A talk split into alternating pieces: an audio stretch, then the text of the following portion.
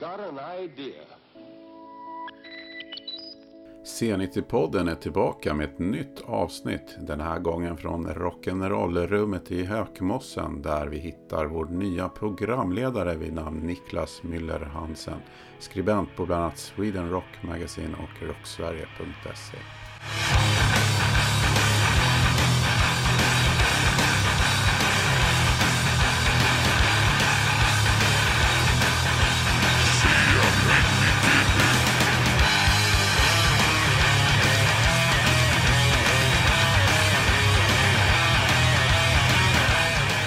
En, en slö skåning som eh, snart har bott längre tid i Stockholm än han har bott i, i hemlandet. Men, eh, där är man. Man är en eh, familjefar med eh, musik som eh, hobby, får man säga. Jobbar som lärare. Gjort det länge. Jobbat, eh, jag la 20 år i, i Norra Botkyrka och eh, har nu nyligen bytt eh, jobb närmast stan. Men eh, ja, och sen så har väl alltid varit att musiken och kanske framförallt då hårdrocken har väl varit ett eh, stort intresse sen man, eh, ja, vad var det första man hörde? Det var Scorpions, någonting sånt där i början på 80-talet. Kiss, ACDC, Uh, där omkring. Föll pladask för det och sen så har ju musiken alltid funnits där och sen så... Uh, äh, numera skriver jag också då. men, men jag är alltid jäkligt viktig med att, att, säga att jag är liksom skribent. Jag är absolut inte någon form av journalist. Det är ju... Uh, jag har ingen som helst uh, journalistisk utbildning eller så. Så att... Uh, men, men kul. Skriver för Sweden Rock Magazine sen... Ja, kan det vara fem, fem år tillbaka kanske någonting sånt där. Uh, och sen är jag med och driver en uh, sida som heter rocksverige.se. Uh, och skriver även för ett, ett ACDC fanzine som heter Overdose. Så att det är det jag gör. Det blir många intervjuer. Av alla de slag. Hur hinner du med? Alltså det är ju... Du ska ju vara du har ditt jobb som, som mellanstadielärare. Måste du ju rätta prov och sånt där va, efter? jo, det är klart. Det är många som frågar eh, hur man hinner med allt det där. Men, eh, ja, men det är klart, mycket gör man väl. Man försöker väl göra så mycket som möjligt på jobbet. Jag sitter hellre kvar på jobbet och fixar grejer än att jag tar hem och, och sitter med grejer. Jag får ingen ro att sitta hemma ändå när man liksom har nu är mina barn relativt stora men det blir inte samma sak ändå. Um, du är ju ton, du har ju tonåringar, säger man gud, tonårs, ja. tonårspappa? Ja, det får man säga. Pappa i tonåren. Det är helt galet bara det. Ja. Eh, och du har ju två döttrar, som ja. jag, precis som jag. Jag har också två ja. tonårsdöttrar. Noll, noll intresse för vad pappa lyssnar på, kan man ju säga. Även om han har försökt. Alltså, när de var små kunde de ju hoppa runt lite men jag tycker att det där är rätt skönt också på ett sätt. Faktiskt. Jag vet inte. Jo. Ville man själv när man var tonåring ville man inte direkt så här, lyssna på grejer som var jättegamla. Även om Nej, eh, absolut. Sen, sen liksom lärde man ju sig att Alltså det var kanske först när man så här upptäckte hårdrock och sånt där som som Mötley Crüe och sånt där. Ja. Så då tyckte man att allt annat var mossigt liksom. Men sen lärde man ju sig att det fanns väldigt mycket, liksom, även från innan man var född och sånt där som var otroligt bra. Men oh ja. jag, vet inte, det, jag, jag, tycker man ser en del så här som sätter på sina barn så här små t-shirts och sånt där. Det är ju det är fint men jag vet inte. Ja, jag gjorde en egen rat t-shirt till, till uh, det som den äldsta dottern när hon var, uh, när hon var bebis. Min, min kära fru gillar och mycket att pyssla med grejer och saker. Så hon hade någon sån här eh, speciella färger som man kunde göra och, och ehm, eh, eh, tröjtryck så att säga. Man, man eh, kluddade dit det direkt. Och jag minns faktiskt att jag gjorde riktiga Rat-loggan med glitter i. På någon sån där liten baby-grej. Den finns kvar någonstans fortfarande. Den blev faktiskt ganska snygg. Men det hade ingen som helst påverkan på, barnens eh, intresse av min musik så att säga. Men det är ändå imponerande. Mm. Absolut. Man får visa sina fingerfärdigheter. Men hur tycker du annars då att, eh, att, att ha tonåringar? Liksom? Jo men det är speciellt. Eh, det får man nog säga. Det är, nu när de är den, den åldern, speciellt den äldste som nu ska söka till gymnasium och sådär och är väl i den åldern då de ska bryta sig loss och, och så. Så det kan väl vara lite upp och ner får man säga. Men det hör ju till. Jag menar man tänker man tillbaka på sig själv i den åldern. Man var inte den roligaste människan alla gånger heller. Man var väl sur och gnällig. Då, så är det ju. Det, jag menar, det är inte mer med det. Men eh, nej, det, det, det funkar väl. Det, man får ge varandra den friheten. Det är inte mer med det. Och så löser sig på någon vänster förr eller senare. Det känns ju inte som att det var så länge sedan man själv ställdes inför de situationerna. Men Nej, nu är det lite lättare faktiskt. Ja, ja.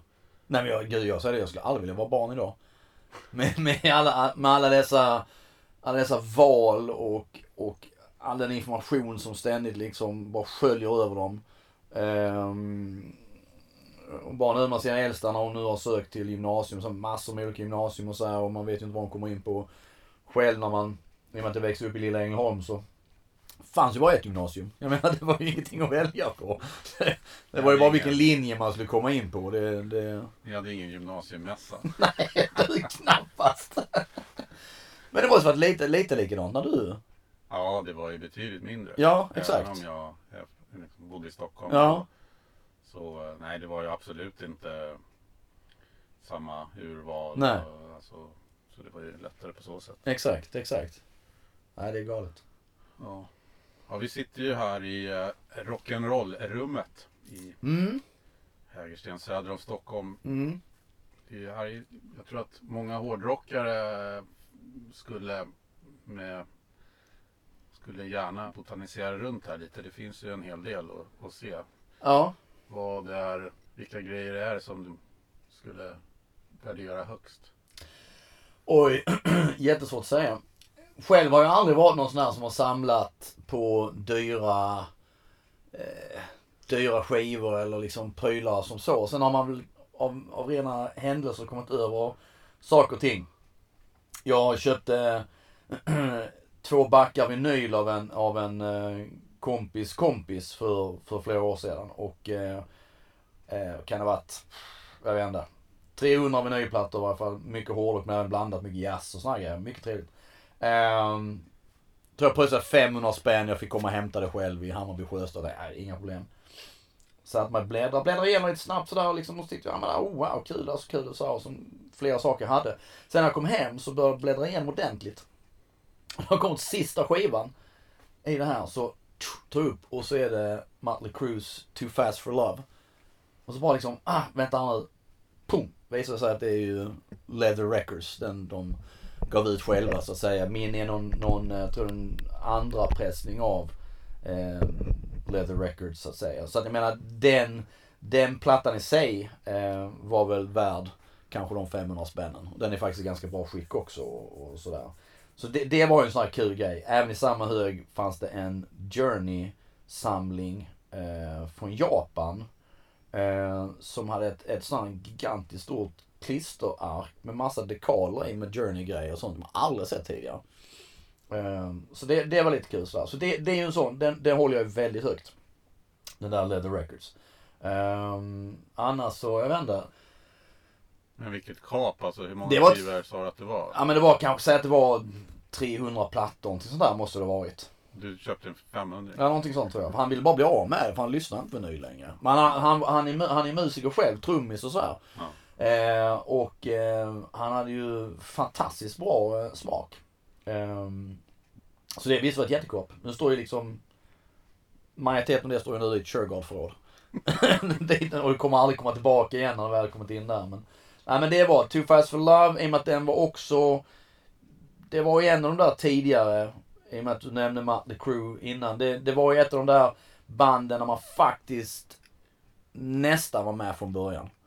Eh, jag vill minnas att första gången jag läste om The Crew var något relativt tidigt och, eh, okej reportage. Och jag tror att eh, vi, jag och polaren väntade nog på att Shout at the Devil skulle släppas. Så någon gång där kom man in i det och sen har man följt bandet sen dess.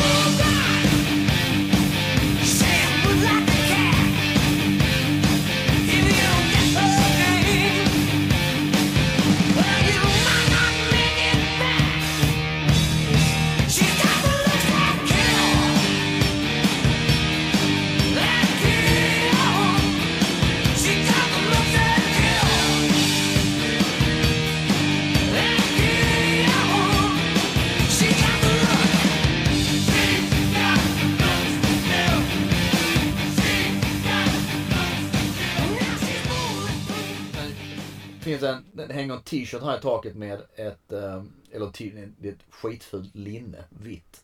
Men det är eh, Autograph. Som är ett av mina absoluta favoritband från eh, Sunset Strip-tiden i LA på 80-talet. Och den köpte jag dyrt. Jag vet inte hur många hundralappar det var, men det var flera hundralappar. För ett sketet linne. Men den enda, den enda, den är, den är ju faktiskt äkta från tiden det begav sig. Från, den är från andra plattan, Sign In Please. Um, och jag, jag har aldrig sett den någon annanstans. Uh, så så det var, den var jäkligt kul att ha. Uh, de flesta liksom dissar ju det där bandet och menar liksom det är bara det mjäkigt skit. Men jag vet inte, det var också så här ett band där man nästan var med från början och, och melodiös hårdrock och så.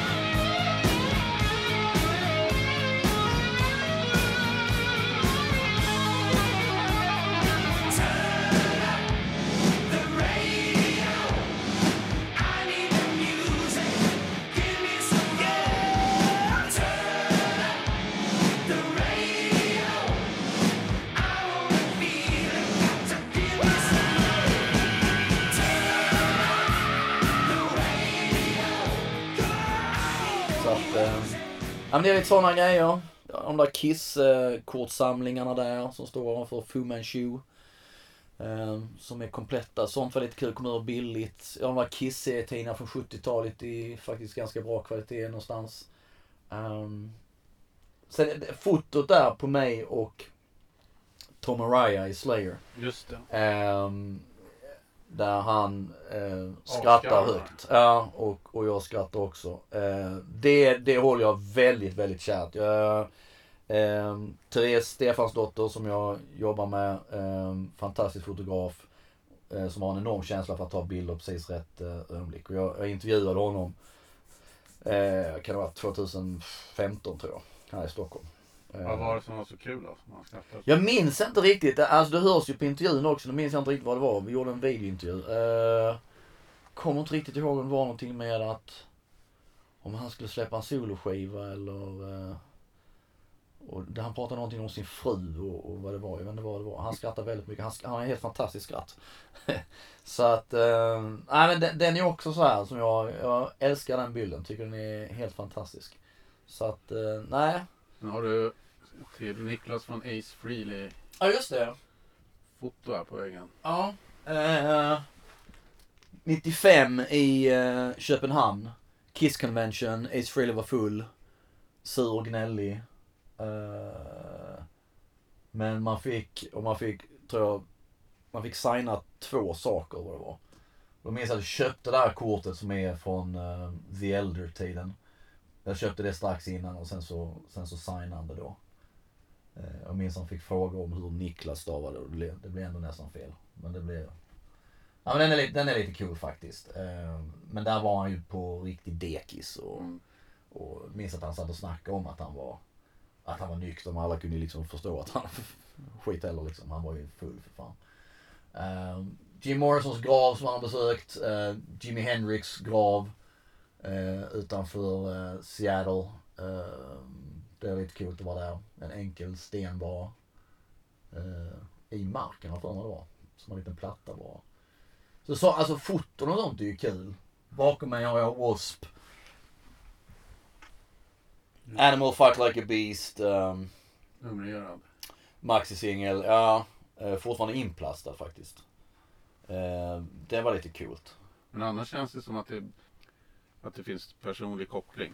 Ja, Många är ju så här att de, idag det är många som samlar på skivor och sånt där men att man, man bara köper. Ja. Det här är lite, ja det finns lite stories bakom det mesta. Jo, ja, jo lite grejer är det ju. Det är eh, på så vis. Det finns en fantastisk bild på mig från gymnasiet. Där jag och polaren vi sminkade oss som Kiss. Eh, och så hittade jag de fotona för flera år sedan. Så att tänkte jag ramar in dem. Jag sitter med bar överkropp och har vad som ser ut att vara ett sexpack faktiskt. Men man var ju betydligt smalare på den tiden. Vi lägger ut det på Instagram. sen. Absolut, självfallet. Absolut, absolut. Och vita tubsockor, skitsnyggt. Men det var standard då väl? Ja, absolut att det var. Noll koll. Nej men det är lite sådana grejer. Så egentligen i skivväg och sådär så... Man har lite bootlegs och vinylbootlegs och sånt man, man, eh, man köpte. Jag har massa gamla Kiss-posters från tidningen Poster. Eh, Är det, är det som du hade köpt då? När nej, nej, utan det är sånt som jag har köpt långt efteråt. Och samma sak där. Jag minns att jag var på skivmässa i, i, eh, i Ängelholm. Och så var det en kille som, eh, eh, han hade en plastficka bara full med grejer. Med Kiss-posters.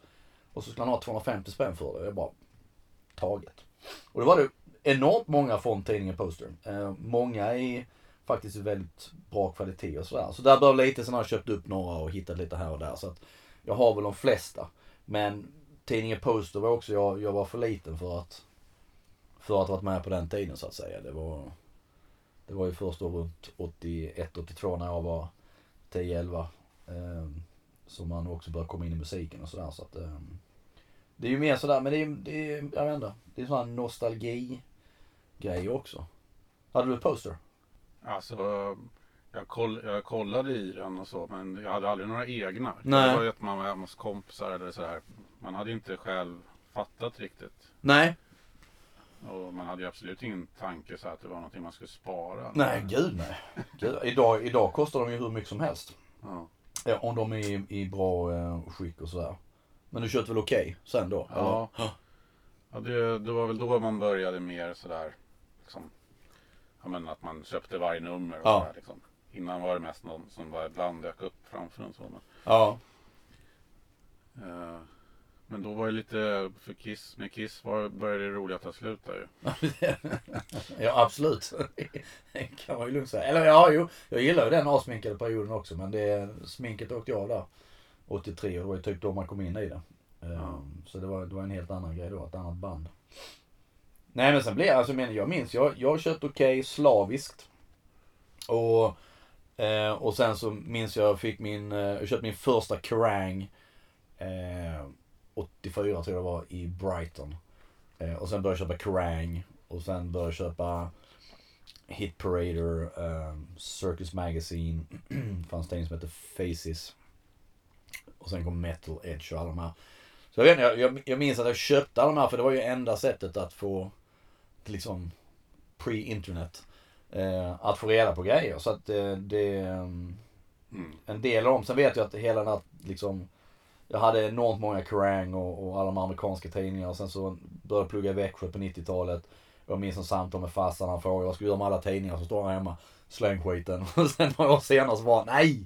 Fasen! Ska man ju bort. Men ehm, nej, så en del sådana har man kvar som man sitter lite nostalgiskt och bläddrar i och tittar på gamla sådana topplistor av vilka plattor som sålde mest och sådär. Så Mm, mm. jo, det, men det, det är mycket nostalgi på något vis. Men sen var det ju det där också som du var inne på just det här pre-internetet.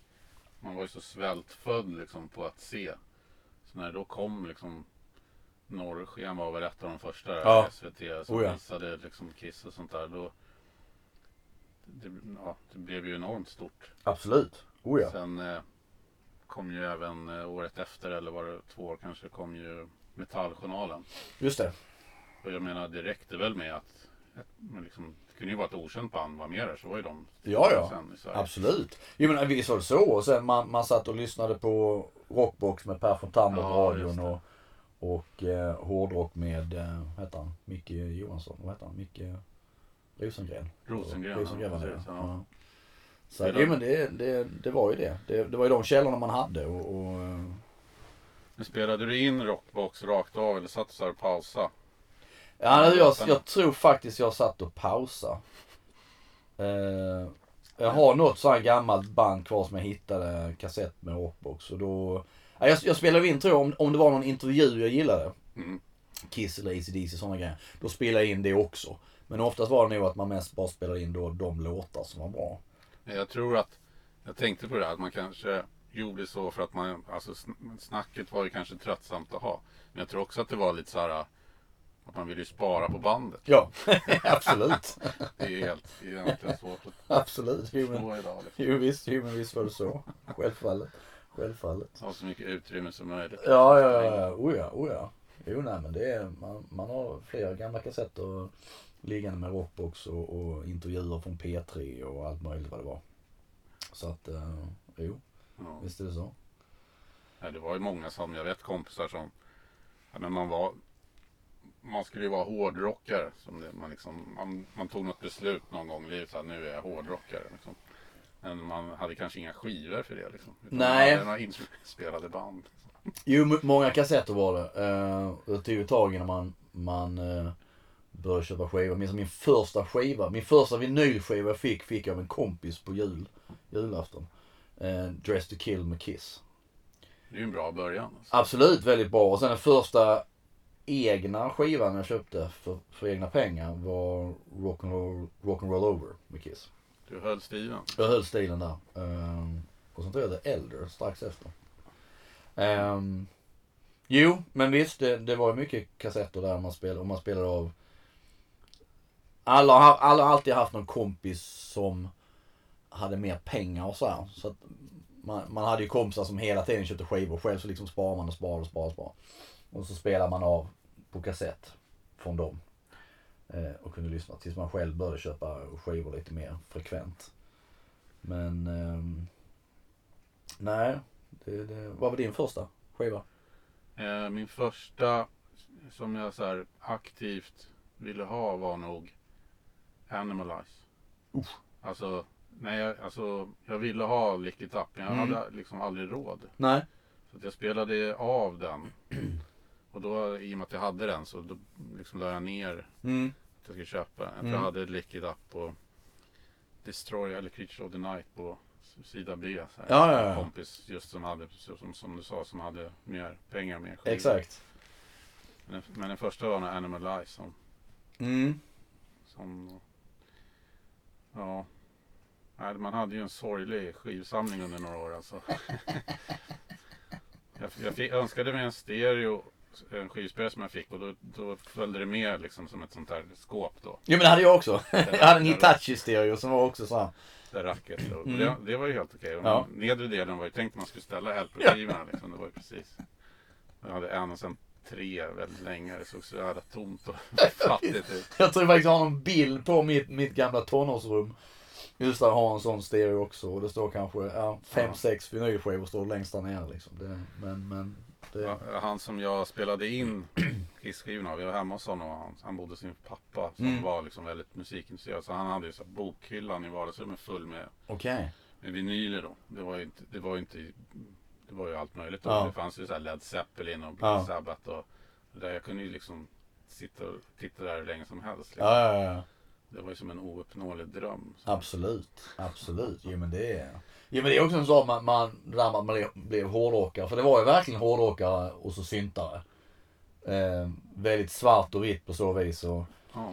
och jag hade kompisar som som de började lyssna, vi började lyssna på hårdrock samtidigt. Sen så någon gång på högstadiet så gled de över mer då mot synt och helt plötsligt blev de toksyntare. Eller råsyntare som man väl sa. Och började lyssna på, först var det Depeche och sådär. Sen gled det över till det mer extrema som Laibach och Front 242 Ja. och, sådana här grejer.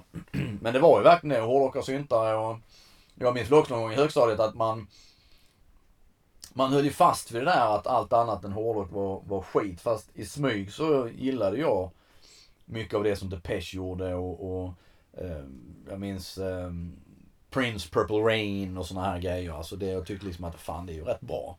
Men man vidhöll ju fortfarande att man var en stenhård hårdrockare med långt hår. Um, så att, um, men det ändrades ju, ändrades ju sen. Ehm, när man blev mer av en, en allätare. Insåg att det fanns så ofantligt mycket annat än bara hårdrock. Men tror du att det där var något unikt i Sverige? Att det blev den där uppdelningen med hårdrock och synt? Jag vet Ibland har det känts som det för att jag tycker man läser, just om det läser man inte direkt.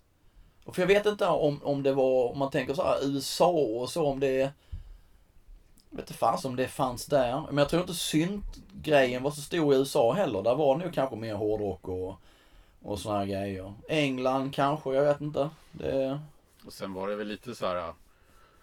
Vad var alltså det var väl men synt blev så här, all, det som buntades ihop. Ja, ja. Synt var så Alpha Will, Howard Jones och sen. Visst. Det var väl väldigt så här egentligen, det var väl så här snällpop. Ja, ja absolut. Ja, ja, gud ja. Gud ja.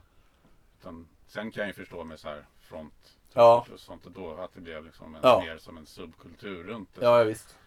Men ja, det nej. lite mesigt på något sätt. Så. Ja, nej. Men det var, jag berättade tidigare, tog upp i tidigare avsnitt just det där att min, jag hade spelat av eh, Accept-skivor av eh, en klasskompis. Restless and Wild och Breaker, jag kommer så Mm. väl ihåg det. Och sen eh, tog, jag, tog jag med dem sen till skolan för han skulle få tillbaka dem. Sen hade jag lagt dem i min väska på något konstigt sätt så att jag hade ingen plastpåse till dem. Jag hade inte hittat den. Så jag gav tillbaka skivorna till honom liksom, utan någonting att ha dem i, vilket han direkt sådär tyckte var jobbigt. Ja. Så tänkte inte mer på det. Och sen när, när han var på väg ut från skolan så hade han mött liksom skolans syntare. som var också betydligt äldre än oss. Ja. Annars hade det förmodligen inte varit något problem. Nej. Så de hade ju skickat iväg de där skivorna som frisbees här. Det låter som en sån här amerikansk eh, high Ja. Det gör det. Men jag minns det sådär. Ja. Men han, han var rålack och då tog han, han kunde ju liksom inte flyga på dem. Nej. Även om han ville. Så jag fick ju liksom ta.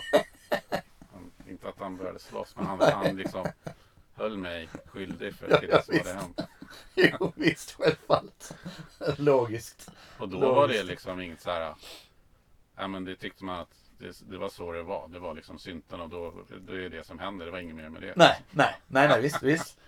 Nej, men det, det nu när du säger det, just om det var liksom speciellt för Sverige, det, ja. Kan det vara så? Ja, alltså det, det kändes och så, just för att det, det, var så, det var så enormt tydligt och, och eh, tvär, liksom hårda gränser mellan det där. Men eh, nej. Nej, oerhört, oerhört fascinerande. Oerhört fascinerande. Men, jag, men jag, det, det kan kännas sen att man, ju äldre man blev och så upptäckte man eh, all annan musik som, som fanns. Jag menar idag, idag lyssnar jag lika mycket på soul från 70-talet eh, eller jazz eller pop eller synt vad nu som jag lyssnar på hårdrock. Men, och det, det är jag oerhört glad för. Det tror jag har fått av mina föräldrar att jag växte upp att de, de lyssnade mycket på det var Frank Sinatra, The Beatles, uh, Beach Boys, uh, Peggy Lee och sådana grejer. Saker som jag fortfarande tycker är bra idag.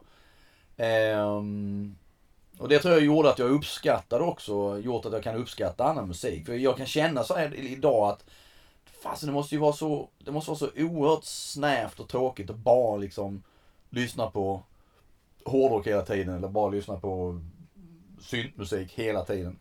När det finns så otroligt mycket annat bra eh, att lyssna på. Men, men många är ju sådär totalt liksom insnöade. Man kan möta många hårdrockare som är liksom, de står där med cowboyboots och en skitig jeansjacka liksom och, och det, är, det är bara det som gäller. De kan inte se det fantastiska i Neil Young eller någonting annat. Men sen är det ju också, det blir en sån, det blir ju lite konstig etikett sådär om man, man ser vad som är hårdrock. Så det finns ju väldigt mycket som klassas som hårdrock som, Mm. som jag tycker är fruktansvärt ointressant. Ja, ja. Oh ja. Eh, medans, medans eh, ja, det finns, ja men det finns musik i andra genrer som Mm. jag liksom betydligt hellre lyssna på. Absolut. Men jag tror ju kanske att det var lättare då på 80-talet att sätta de här etiketterna för att det, dels så var det inte så mycket band Nej. som man hade tillgång till. Så att de flesta höll sig ju på något sätt inom ramarna. Som, Ja, ja. Visst, väl- visst. Men idag är det ju så mycket, alltså allt har ju utvecklats så mycket. Nu är det ju så, jag menar, inom- hårdrock det är ju så många genrer som man, man har ju noll koll på vad det är för någonting. Ja. Det är sån här pagan metal och sånt där. Vad är det liksom? Och det är viking metal och det är liksom... Ja gud, allt vad det är. Man, man, eh, man hänger inte med där liksom. Det, det är... Jag vet inte. Det spårar lite ibland. Med alla, alla etiketter på något vis faktiskt. Det, det blir lite too much. Men... ehm, ja, nej. Är, Men om man ser till, till svensk hårdrock då, där, vilka har du några favoritplattor? Oj.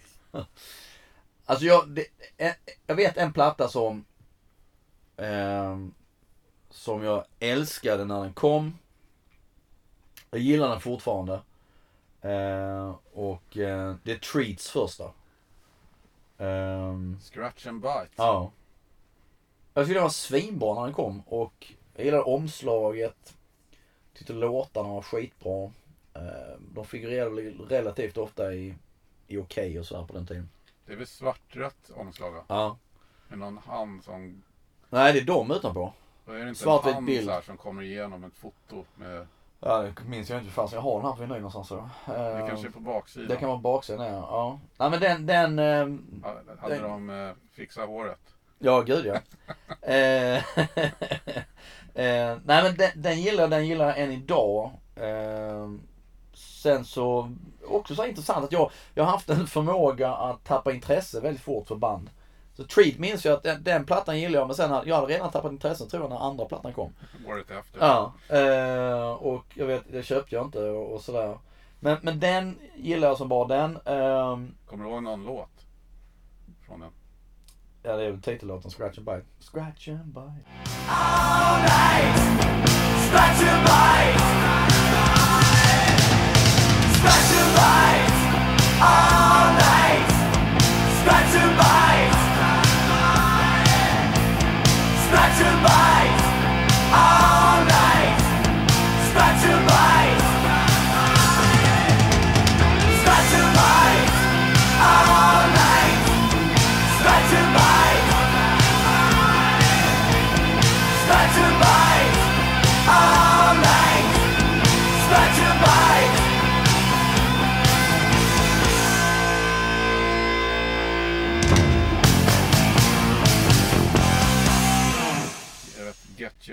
Ja, just det, just det. eh, Metallkanalen. Just Den VHSen. Just det, just det. Ehm, men, eh, Och de hade även en sån här som alla hade då. Eh, den här, eh, nu, nu håller vi varandra i händerna ballad. ja ja, Eh, vad fasen heter den? We Are One. just det. En riktig sån här hitvarning. ja, alla skulle ha ballader. Det är helt fantastiskt. Ja men det var Och- mycket och, så och någon här. mjäkig video till. Men det var mycket också så här uh, Let's Unite, ja men typ Mötley Crüe hade så här, all, det kanske var senare så här, All You're In Hands och, Ja. men det var någon trend just det där att Jo men det, är rätt kul därför att prata med människor som inte lyssnar liksom aktivt på hårdrock. Så är det ju många som säger just, just om 80-talet. Att hårdrockarna hade ju alltid de bästa balladerna. Och det ligger mycket i det. Alltså det, det just 80-talet var ju alla bra på att kräma ur någonting. Alla band som såg ut som tjejer och hade mer smink än tjejer och större hår och allt sånt där. De var ju fenomenala på att liksom få till de här eh, faktiskt jäkligt bra ballader. En del var ju fruktansvärt smöriga men många var ju fantastiskt bra. Um, nej men den treatsen är jag ju oerhört svag för um, Easy Action med, med Tommy Nilsson. Um, det är väl rätt mycket AOR. väldigt mycket. Ja. Väldigt mycket. Uh, och där som Talk of the Town som fick ny sväng nu med Så mycket bättre och Danny Saucedo väl. Uh, nej men den, den var, den, jag vet att polaren köpte uh, Rosie. Låten. Rosie, I love you, Rosie, uh. Rosie, I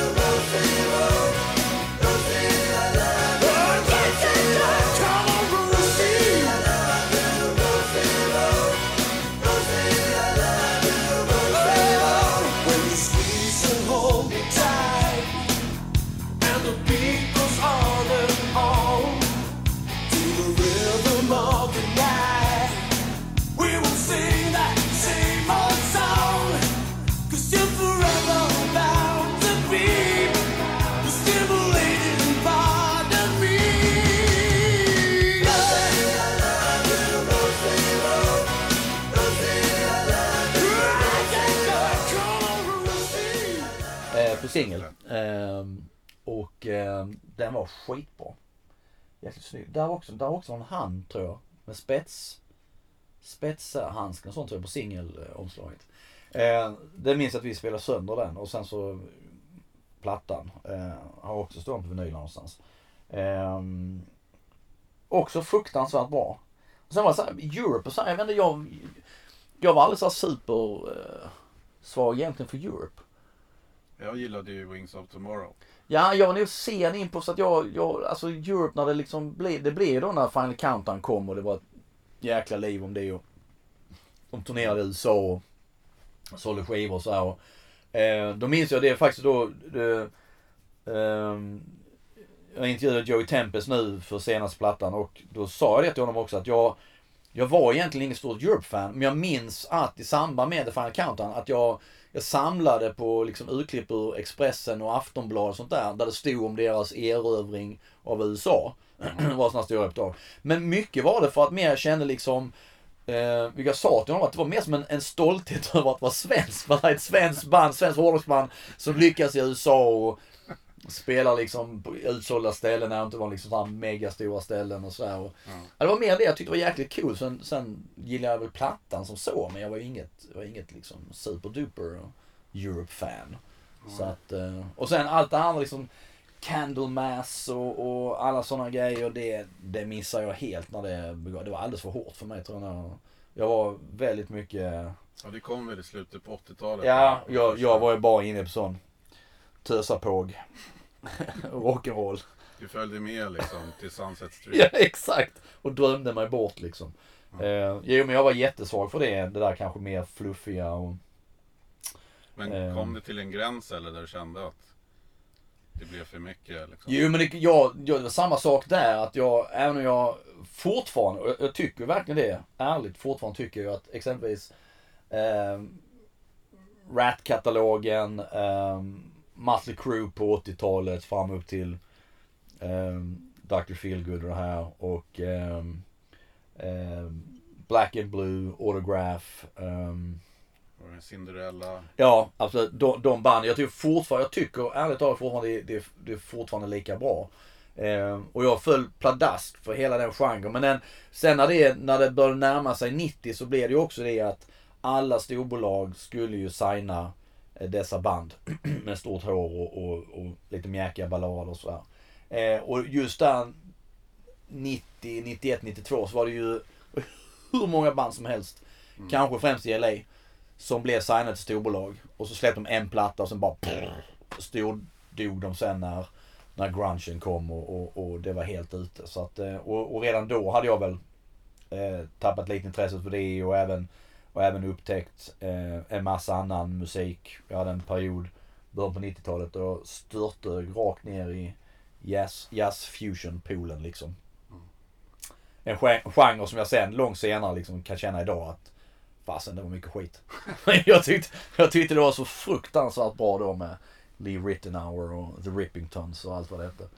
Um, Men det är ju rätt kul för då har du ju rätt mycket referenser. mm. Du kan ju knappast beskyllas för att ha snöat in liksom på... Nej men det gjorde jag. Nej det, det, så blev det. det. Nej det blev det inte. Utan där, där bör nog också mycket där att öppnas upp att det fanns så mycket annan musik att lyssna på. Ehm, jag hade nog perioder där jag inte lyssnade speciellt mycket på hårdrock utan jag hade fullt upp med och um, Ja just det, lyssnade på jazz fusion. eh, men även annan jazz och man upptäckte soul från 70-talet. Alltså det, det är ju hur mycket som helst att gräva i. Eh, och hårdrocken hade vi kanske några år där också då hårdrocken i sig inte var så superintressant. Eh, och, och då blev det att man lyssnade på andra grejer istället. Men, eh, nej men Treat och, och, och just den Easy Action-plattan är väl så här svenska. Nu, nu på senare år måste jag då säga Night Flight Orchestra. Eh, och speciellt deras senaste är ju helt fantastiskt. Men det är också sån här 70-tals, 80-tals AOR-grej Mm. över det. Eh, vilket är kul med tanke på, på att Björn Strid och där sjunger i Soilwork i vanliga fall och han gör förbannat bra jobb i, i Night Flight. Men, Men det, måste det- ju till, till eh, 90-talet då, för där tycker jag att det var först då som svensk hårdrock verkligen blev någonting. Ja. Lite grann med, liksom med Camel Mastodon sådär. Men annars så tycker jag att svenska hårdrocksband det kändes som det var, alltid varit styrt av skivbolagen och Mm. att man ska efterapa någonting. Alltså Europe hade ju originalitet men det var ju enormt många band som kom och skulle vara det, Mm. det andra skivbolagets Europe. Och även med heavy metal banden som skulle härma tycker jag liksom Judaspris och sånt där blev aldrig bra. Nej. För att det var så uppenbart. Men, men sen när svenska hårdrocksband har försökt göra någonting eget. Eller i alla fall vara med i en, i en, en yngre scen liksom, Mm. som inte redan är befäst så har det blivit mycket bättre tycker Mm. jag. Man ser till dels, dels eh, hela vågen med death metal från Stockholm. Mm. Och även från Göteborg har det ju, måste man ju säga, liksom med, Mm. med At the Gates och, och sen även då där även då är med Nicke Andersson med, med Hellacopters och den grejen som kom eh, i början på, eller mitten på 90-talet. Och där tycker jag verkligen att det hände någonting. Absolut, men där, där tror jag också att du, du är nog mer betydligt mer insatt i det. För det är också sånt som, som eh, Ja, det gick nog mig helt förbi liksom. Eller inte helt, jag, menar, jag, jag visste ju vad det var man hörde och sådär. Men det var ju, det var ju ingenting jag, jag aktivt köpte och sådär. Men Hellacopters, Helicopters var, var jag relativt tidigt med på med, med Super Shitty och där och jag älskade Helicopters. Jag, jag, ett tag så höll jag på att samla på deras, alla deras singlar och allt det där. då Och, kan man bli fattig. ja, verkligen. Eh, och ehm, Men där kändes det ju lite som att det kom från ingenstans också. ja, eh, absolut. Men, men Helicopters eh, älskar till denna dag.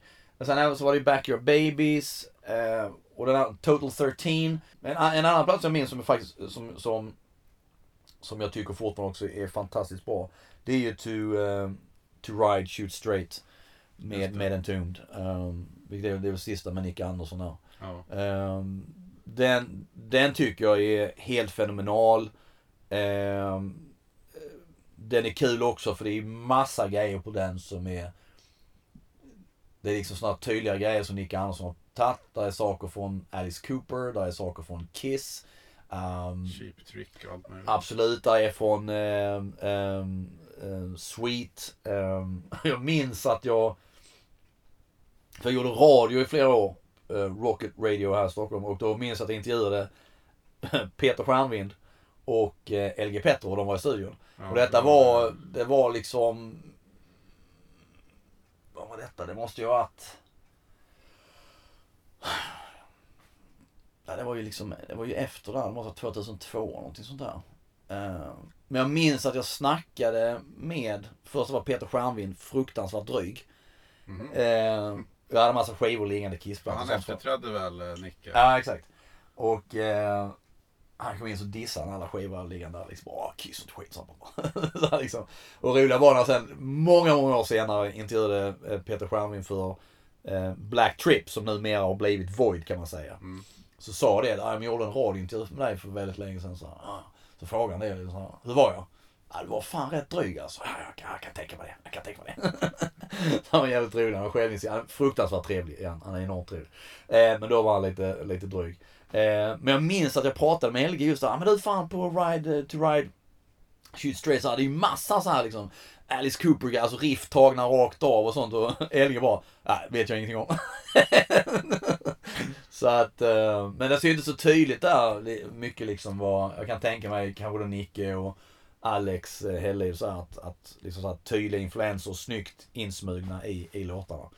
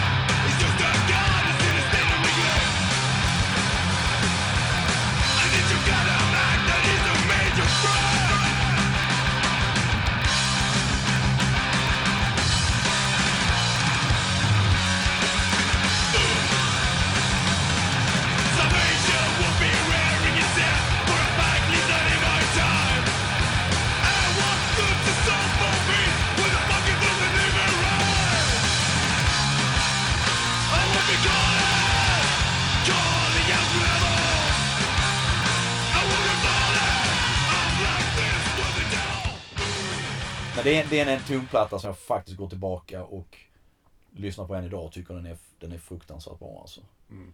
Men du, nej du, det, det känns som du har betydligt mer koll på... Ja, jag tycker ju ja, alla från den första Left Hand Path Ja, och hela vägen upp. Så, eh, fantastiskt bra. ja. Eh, Men det, nej jag, jag... eh, Men just också att det, ja, men det är imponerande att man startar, är med och startar någonting eget. För att man gör någonting som man själv vill göra. Mm. Istället för att, alltså det finns ju tyvärr mängder av band. En del lyckades inte men en del hade väl viss framgång. Ja, ja, ja. Som bara kopierade någonting. Visst.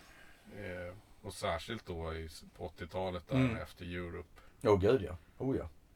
Och sen var det ju också lite sorgligt att se då alla som hakade på. Men det var ju inte bara svenska band utan det var ju även stora internationella band. Mötley Crüe till exempel. Ja, ja, ja. ja. Hakade på liksom en trend. Och skulle låta grunge och satte på sig stickade eh, handskar utan fingertoppar och började liksom stämma ner gitarrerna. Och det, det kan ju aldrig bli bra för att Nej. man gör ju någonting som man egentligen inte gillar. Liksom. Nej. Men, men apropå, apropå, absolut, men apropå Mötley Crüe så är faktiskt jag, jag älskar ju plattan med John Corabi från 94. Ja, men jag vet att det finns många som gör ja, det är ju inte, det är ju inte Mötley Crüe, man kan inte kalla det för Mötley Crüe. Och, och, ehm, men jag tycker den är, den är fenomenalt bra. Ehm, och ehm, det är liksom, den slår an en ton, en skitighet som de inte hade haft innan eh, med Vince Neil och då, när det var mer glättigt. Ehm, men eh, den, den vill de ju inte kännas vid idag på samma sätt. Även Kiss gjorde ju en grunge-platta. Ja, Gillar du den också? nej. Jag jag har knappt, jag har knappt, ärligt talat knappt lyssnat på den, eh, Carnival Souls. Ehm, Men eh, på något sätt så Kiss är ju världens största kappvändare. att det är det är inte så konstigt att Nej, nej. gjorde en grunge. Nej, nej, nej, för fan. Det kändes ju helt rätt i tiden. Men, eh, nej men då, alltså till och med när, när den kom, nu minns jag inte riktigt vilket år den kom. Eh, Carnival of Souls. Den, Ja. de, den var väl så här sen och grejer. Var det inte det att den jo, nej, det blir ju liksom, som bootleg exakt, exakt. Eh, så att, ehm, Men det var ju enormt många, ja men typ alla svenska i princip utom de runt, ja men, ja men de som tidigare då hade spelat mer melodisk hårdrock Mm. skulle ju liksom Mm. det, så det blev, det blev inte så roligt. Men det där kan ju vara mycket smak. Jag har ju lite svårt överhuvudtaget för mycket av den grunge-grejen som, som, som, som kom då. Liksom. Jag tyckte att den var ganska tråkig på många sätt. hur kan du tycka det? Gillar du inte Alice in Chains? Och... Alltså jag kan ju tycka att det, är- att det jag kan ju förstå att det är bra plattor men det var ju liksom ingen roligt. Nej, jag, jag gillar jätte, eller jättemycket. Nej, men jag gillar de banden som eh, just Alice in Chains och Soundgarden. Pearl eh, Jam 10 och så. här Pearl Jam, absolut. Eh, sen ballar de ut också. Jag vet fan vad de blev för någonting liksom. Men det värsta var ju ändå det som kom sen, alltså post grunge. Ja, ja. Det måste ju vara det värsta. ja. Jo, absolut. Det kommer mycket skit. Och sen, och sen nästan värst är ju sån här eh, new metal genren. Eh, som för mig är stundtals fullkomligt obegriplig. Med eh, Limp Bizkit och allt vad det var. Och, Men där kändes det som att det inte kom direkt något svenskt, eller hur? Motsvarande.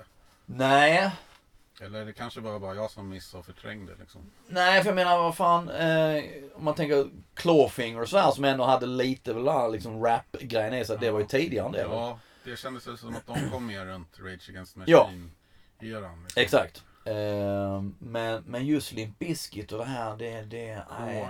Nej, nej så, nej fasen alltså.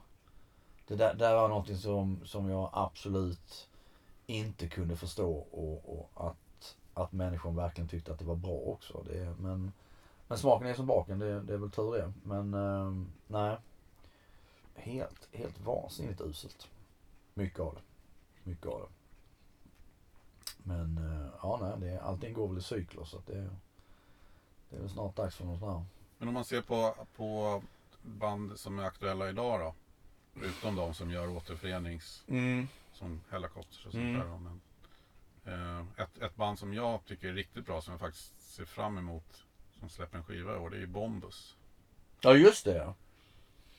Just det. Skit. Har du hunnit lyssna på dem? Så annars Nej, inte något mer liksom. Något, något samband med något släpp och sådär. Och kanske man har fått någon albumlänk och sådär att lyssna på. Nej. Nej men alltså visst, absolut. Det låter väl helt okej. Am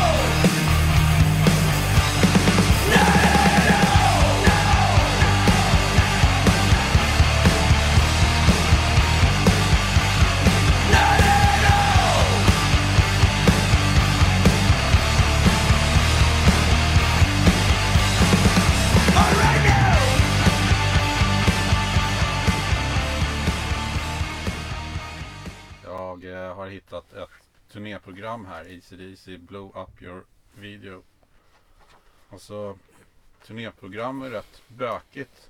De var ju enormt, alltså de var, de är väl, det sänds väl fortfarande men Alltså det var ju rätt Det var ett problem så här, om man hade köpt ett turnéprogram eller om polarna hade köpt ett turnéprogram och få hem det liksom i någorlunda skick. Ja, ja. Det är jag, jag, eh, jag, eh, min första konsert var ju Saxon 1985 på Olympen i Lund. Innocence is no excuse. Och eh, där köpte jag turnéprogram innan själva giget. Eh, hade det i handen, gick och ställde mig då. Olympen är ju inte stort, det är en sån här handbollsarena. Eh, stod på läktaren och jag tror att jag lade, antingen lade bakom mig eller ner vid fötterna.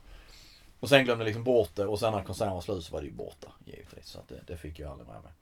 Men ja, nej men just, just det där är ju enormt otympligt stort. Eh, och jag har ju... Fasen. Men alla som jag har sett har alltid varit lite så här äh, större än en vanlig tidning. Jo. Eh, jag köpte ju... Det här köpte jag ännu större va? Crazy Nights. Med Kiss. Ja det är större än det är ACDC. Ja det är det. Det är också så, det, jag menar det, det är ju liksom, ser ut som en, det är ju storlek eh, stentavla med tio Guds Ja, ord. Också kunna helt vansinnigt att försöka släppa hem det där ju. för hem det liksom. Oh, där ser jag ligger en bild från uh, japanska Music Life-tidningen. Paul Stanley. Som jag, den har haft inramat tidigare.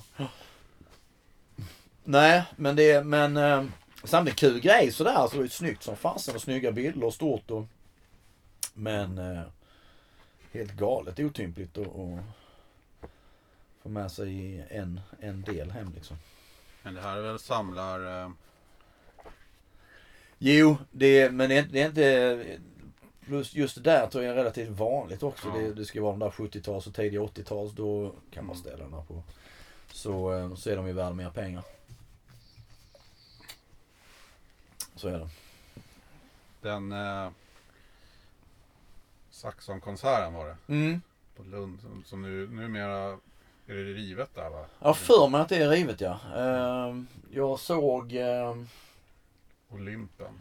Olympia. Jag såg inte så jag såg Saxon där och jag vet att jag såg eh, White Lion av alla band. Pink Cream 69 var förband. Ehm, When the children cry. verkligen. Eh, och Mike Tramp var en riktig pretty boy. Um, det var det, men i Skåne annars var det ju att man, eh, det var Olympen eller fick man ta sig till, eh, köra ner de åtta milen till Malmö. Och i stadion där, ehm, där såg jag ACDC. Eh, året efter. ehm, på Fly on the Wall-turnén. 220 volt som förband. Mm. Var en sån grej. It's Mm. nice, nice, nice to be a king. Ehm, och uh, jo, Mötley Crüe såg jag för fasen också 1986. I, eh, på Olympen. Theater of Pain. Theatre of Pain. Eh, och det var ju, det var ju himmelrikt. Det var helt fantastiskt att se detta. Även med en sån liten scen och så. Eh, eller så fick man ju ta sig till Göteborg och, och Skandinavium. Det var ju liksom de. Eller Köpenhamn kunde det också. Ja, just det. Eh, Kiss, Crazy Nights 88 eh, såg jag ju KB-hallen i, i Köpenhamn. Så att det var ju lite, Ängelholm där var lite mer off på så vis. Jag menar, du bodde i Stockholm så du hade ju betydligt, eh, Ja. plus att det kom ju, allt kom ju hit. ja. Så ja det- man, man, man kan ju tycka det, men efterhand så är det ju enormt vad, vad mycket man inte gick på. Ja, gud. Jag, jag tror till och med att Def... Alltså Def Leppard på Hysteria-turnén. Eh, de spelade nog Skandinavien tror jag. Såg jag inte. David E. Roth eh, var väl Skyscraper-turnén. Spelade i Olympen har för mig. Gick jag inte på. Så att man i efterhand kan bara tänka liksom, vad fan gick jag inte på det för? Vad sysslar jag med? Ehm, Ja, men jag, jag såg här i, bara under året 1984, så inom, inom loppet av två månader i Stockholm så spelade, ja men det var helt galet. Det var så här Metallica, Iron Maiden, Mötley Crüe, Scorpions, Kiss, Mm. Dio tror jag. Ja. Alltså, men, men man var knappt på en enda konsert. Nej. Man hade ju inte pengar. Nej, nej alltså det, det var ju det absolut. Man, man var ju ung och eh, hade inte de pengarna. Då har man ju fan, de har ju hade inte börjat sommarjobba då ens en gång. Så, att, eh, så det, jag menar det är klart, det, det styrde ju mycket. Oerhört mycket. Och det, man hade inget, jag, man hade ju inte körkort heller ännu. Så att det, jag minns med, min farsa fick ju köra mig ner till Mötley Crüe och Saxon och AC/DC Fick han ju gå på restaurang och sånt under tiden. Eller liksom, det måste ju varit hur tråkigt som helst. Men jag är oerhört glad att han, att han ställde upp och skjutsade. Eh, men eh, Det där är Det- också kul, men det har jag också berättat tidigare just med skjutsa. Eh, två killar i min parallellklass var ju på Kiss på Lick It Up-turnén Mm. redan. Eh, med Hedix som förband. Och just då, det. Det var i slutet av 1983. Mm. Och då gick vi i femman eller sexan. Mm. Femman kanske. Och eh, då skulle han och hans brors, eller de skulle åka eh, med, eh, de skulle få skjuts av morsan in och även bli hämtade för att Ja. det var ju så farligt liksom. att att gå på konsert och så. Ja. Och då hade de liksom kollat när konserten började på biljetten och så. Mm. Men det var ju liksom när de öppnade. Ja, ja, ja. Så det var ju, Kiss började ju spela kanske två timmar senare än det där. Och sen var ju Helix liksom som Ja. förband. För- Och dels hade då eh, Ena killen hade inte med sig, han hade glasögon egentligen men han hade inte, ville inte ha dem för att det var liksom töntigt att ha på så, här. Så, när, så när Kiss, när Helix kom in trodde han att det var Kiss. Han började så här hoppa runt och så här. Och de runt omkring undrade ju så här, "Åh, varför gillar han dem så mycket? Så han hade ju aldrig hört dem. Liksom. Sen märkte han ju så här, det är ju inte Kiss. Så här, blev han besviken. Då var ju folk runt omkring så här, som skrattade och så här. Så de eh, kände sig ju bortgjorda. Och, och sen, eh, Episkt. sen hade de liksom sagt en tid till deras mamma då när de skulle komma ut. Ja, ja, ja. Eh, och det, då hade ju typ Kiss precis börjat spela. Men de så här, det fanns ju inte mobiler Nej, då, nej. 10-15 år innan. Så de hade ju liksom sagt, nej men vi går väl då liksom. Så de gick ut. Kanske sågs sju, sex, sju låtar eller något så här. Gud så bittert. Ens det. Så, så här, deras triumf som egentligen så här att de hade varit Ja. blev så här att alla skrattade åt dem. Liksom, för det, det kom ut ur det där hade liksom gått till. Exakt. Men samtidigt så kunde man ju inte skratta för det. nej, nej, nej. Själv Visst. hade man ju inte ens. Nej. Gud nej. Vad var din första konsert? Ja det var ju eh, på Animalize turné. Ja, det var det? Ja. Usch, jag, såg, jag såg inte dem förrän då. KB 88 Crazy Nice. Det var första gången jag såg Kiss. Det, Ja. Jag kommer ihåg att vi var där så här enormt tidigt, så här långt före Bon Jovi var förband. mm, Eh, på sittplats Just på, det. på Hovet. just det. Ja. Eh, och då tyckte man väl att det var, att det var fantastiskt bra. Men jag tror att i efterhand så, så har man väl liksom omvärderat det lite grann. Så där. Men det är ju alltid det är ju relativt, allting är ju så här runt omkring vad det är för upplevelser man har och hur, hur, hur det flyter på eh, allting annat liksom. Absolut. Så att, eh, nej jag skulle, Den kommer nog rätt långt ner ändå så här på... Ja, jo men det är samma. Alltså, Kiss Crazy Nice 88, de spelar på Lilla KB i Köpenhamn. Eh, vi, då gick jag på eh, gymnasiet. Vi tog ledigt, jag och polaren, hela dagen. Stack till Köpenhamn, tog bussen dit. Eh, och eh, sen var vi vid KB skittidigt så här. Det var vi och så var det några till som stod och hängde utanför. Vi hängde där i flera timmar. Men fanns det något syfte typ att ni så här skulle ta autografer eller? Ja men det var, fanns väl någon tanke så här så var vi bara liksom jävligt lost och liksom sådär, ängsliga. Men vi hängde där och sen helt plötsligt så var det så här så, så hade vi ju känt, var liksom lite längre in på eftermiddagen så började vi känna så att fan vi måste ju äta någonting liksom. Vi är hungriga som vanligt. Så vi började precis som igår. Och då kom ju en buss körande. Och vi bara oh, oh vad, är, vad är nu detta liksom? Och så Bussen stannar precis utanför vanlig ingång liksom. Och sen så kommer ju hela Kiss. Och hoppar ur och ska göra soundcheck. Eh, Polaren har med sin lilla Instamatic-kamera och lyckas ju dra av några skitsuddiga bilder på Gene. Eller mest så Gene som bär på någon, någon eh, en sån här Godzilla-figur. Um, men sen körde de ju soundcheck och då var det ju också just det här med, som vi pratade tidigare med tidningarna här. Att, eh, man hade läst lite då om turnén i USA och så här. Och, eh, och jag vill minnas att vi står och lyssnar, man hörde liksom genom dörrarna hörde man ju soundcheck. Man hörde de drog, drog igenom tror jag då Bang Bang You från Crazy Nights. Men även I Was Made For Loving You har jag för mig så här. Och man var helt liksom extas bara av den grejen. Sen när man tänker med efter ska jag titta idag så där så jag, jag har sett, det giget finns filmat eh, och jag har det på bootleg också. En Skittråkig scen, bara massa jävla högtalare och så här, och ganska intetsägande. Men just då var man helt euforisk i och med att det var första gången jag såg Kiss och det var, och det det var så jäkla bra. Så här efterhand också skulle jag också säga liksom som gig i sig var kanske inte det så fantastiskt bra. Så sen när man läste, när man läste, det kom ju en bok från deras gamla han var väl ekonomiansvarig, och C.K. Lent hette han som skrev en bok som heter Kiss and Sell. Som kom i samband med Reunion-turnén. Och där skrev han just också hur, hur illa Paul Stanley och Gene Simmons tyckte om att spela på dessa små hallar. Även de, de nämner även Lund. Där de spelade faktiskt på Olympien 84. Ehm, de var vana att spela liksom lite större arenor i USA. och Så liksom. Men har du någon sån här eh, de bästa konsert, konserterna?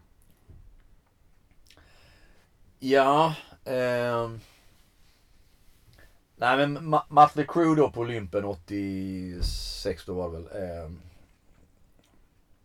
är ju ett enormt kärt minne som jag tycker var fantastiskt bra. Eh, och då var de igen då, men då var de ju faktiskt fortfarande bra. Även om Theatre of Pain kanske är lite så här halvkackig som platta. Men... Eh, eh, Metallica också på, på eh, Scandinavium 92. Fantastiskt bra. Jag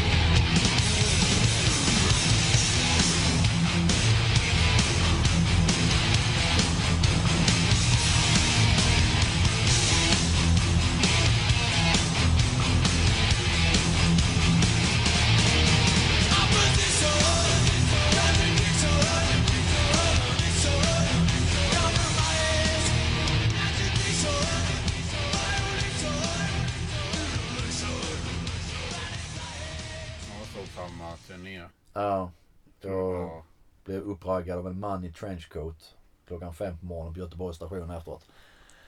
Eh, av, avböjde dock. Eh, jag såg dem tre gånger på den turnén. Eh, det är väl också en sån som står ut. Sen har jag så här som att jag, jag såg Tom Petty för några år sedan. Det är ju inte hårdrock men eh, det var också fruktansvärt fantastiskt bra eh, kan jag säga. Eh, Neil Young och Black Crowes var också en sån grej. När de spelade tillsammans i Globen för många år sedan. Ehm, första gången så var ACDC då 86 var också fantastiskt bra. Eh, Deep Purple, eh, House of Blue Light 87 i, i Malmö. Eh, med med eh, skit hackliga lasergrejer. Som, som ritar någonting i taket. Men laser var ju relativt nytt då sånt där liksom. Man tyckte det var rätt häftigt när det lyste någon lasergrej ovanför skallen. Då, liksom, när man tänkte tillbaka så var det så fan det var ju så billigt. Men det var, det var ju det var ett fantastiskt bra gig. Vill jag minnas. Bad Company öppnade. Um, men allting, jag hade jättelänge hade sådana här Excel-program där jag hade lagt in alla konserter. Sen så i någon dag så försvann det. Jag hade även ett Excel-program med alla mina skivor och så här, men det bara försvann sen. Men det är liksom, det är man ju, då är man nere på sådana här, då är det lite Asperger-nivå. Satte du så här betyg eller Jag satte ner ett betyg men jag, jag skrev in liksom, försökte hålla så här datum och, och liksom var det var någonstans och, och förband och alla sådana grejer. Det, det förde in. Och hade väl relativt eh, bra koll som så. Nej men det, det är det är jättesvårt det där med, och så fasen det, man glömmer så fort, även om det har varit någonting som varit skitbra så glömmer man.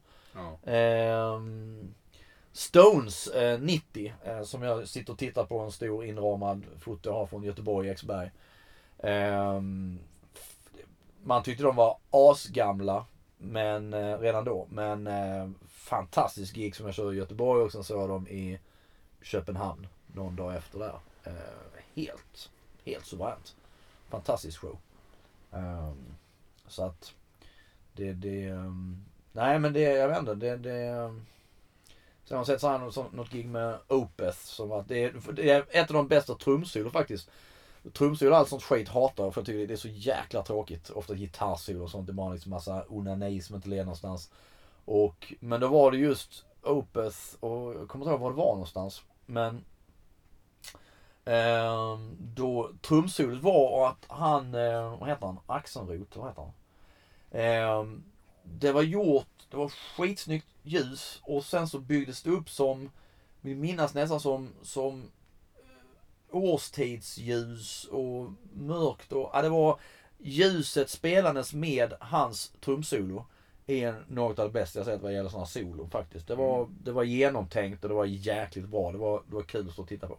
Annars är ju solon bara en, en oftast en enda lång pina. Så att, ehm, nej, själv då?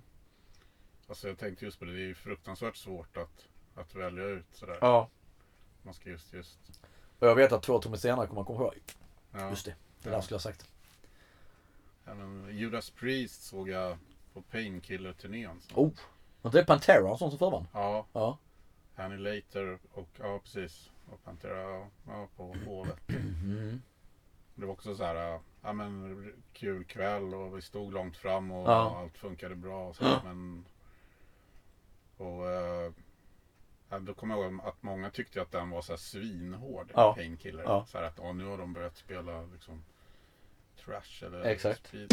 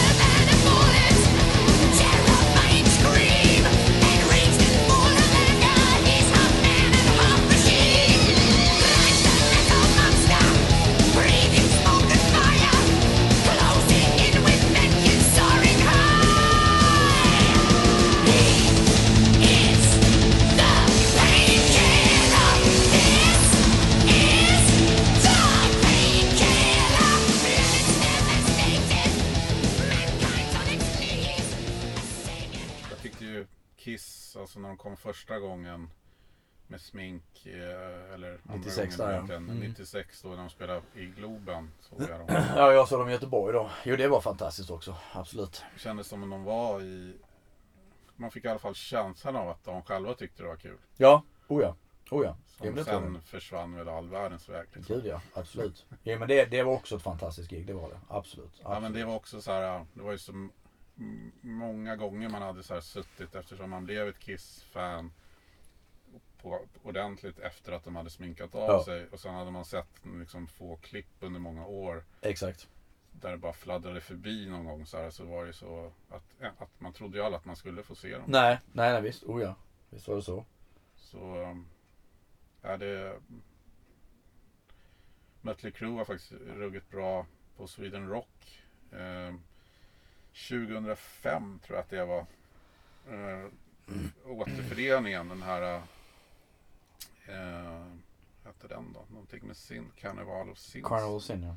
Mm. De körde ju väldigt mycket gammalt då från Mm. den första. Mm. Sen kändes det som att det blev lite autopilot med deras Hela deras grej liksom. Med, Ja, ja.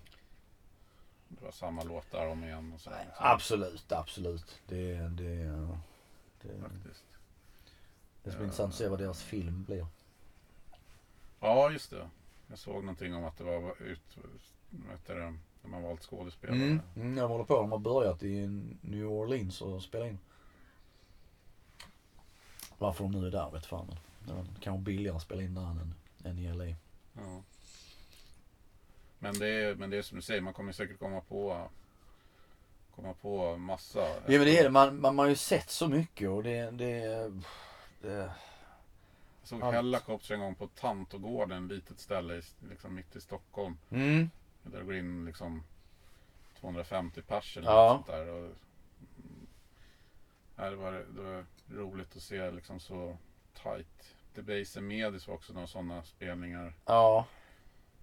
Eller vad säger jag? Debaser Slussen. Ja, ja, ja. Ja, just, ja, just det. Ja. Eh, Där man kan stå väldigt nära men ändå, Ja. Det ändå funkar liksom. Ja. Jo, nej men så är det. Det är, det, men jag, jag, jag, det är flera grejer som jag har sett också som har varit fantastiskt bra som, som inte är som inte är hårdrock heller. Ben Folds 5 på studion. Ehm, Jonathan Richman, för detta Modern Lovers, också på studion. Galet bra. Mängder med gig med Helicopters som hade en jäkligt hög lägstanivå får man säga. Ja. Jag var också på Tanto, jag tror det var i samband med eh, kan det ha varit High Visibility-plattan eller vad fan som var. De körde tre gig. Mm, Tre kvällar på raken med Tanto. Jag var på alla tre. Det var Fick till och med dem, frun, eh. frun var till och med med på något gig. det var en av dem jag var Ja. med på. Ehm, Det, kom, det, var ju, det var ju fönster i den lokalen. ja. Eller det är kanske, den finns väl kvar. Och det var ju så otroligt, det var liksom ett tjockt lager med så här imma. Ja, ja, ja. Det bara Oh, ja. rann så här. Svettigt och härligt. Jo visst, absolut. Trångt och mysigt. Jo, nej, men det, det... Nej, det, det... Usch, det är mycket som har fladdrat förbi. Ja, vi får väl fortsätta i nästa avsnitt. Ja, absolut. Absolut. Helt ja, klart. Nu har vi surrat i snart en och en halv timme. Tiden eh, flyger iväg när man har kul. Fantastiskt Jag trevligt. lyckats värva in dig nu här. Äh, jag är, I'm, I'm all in. Årets, årets nyförvärv. Exakt.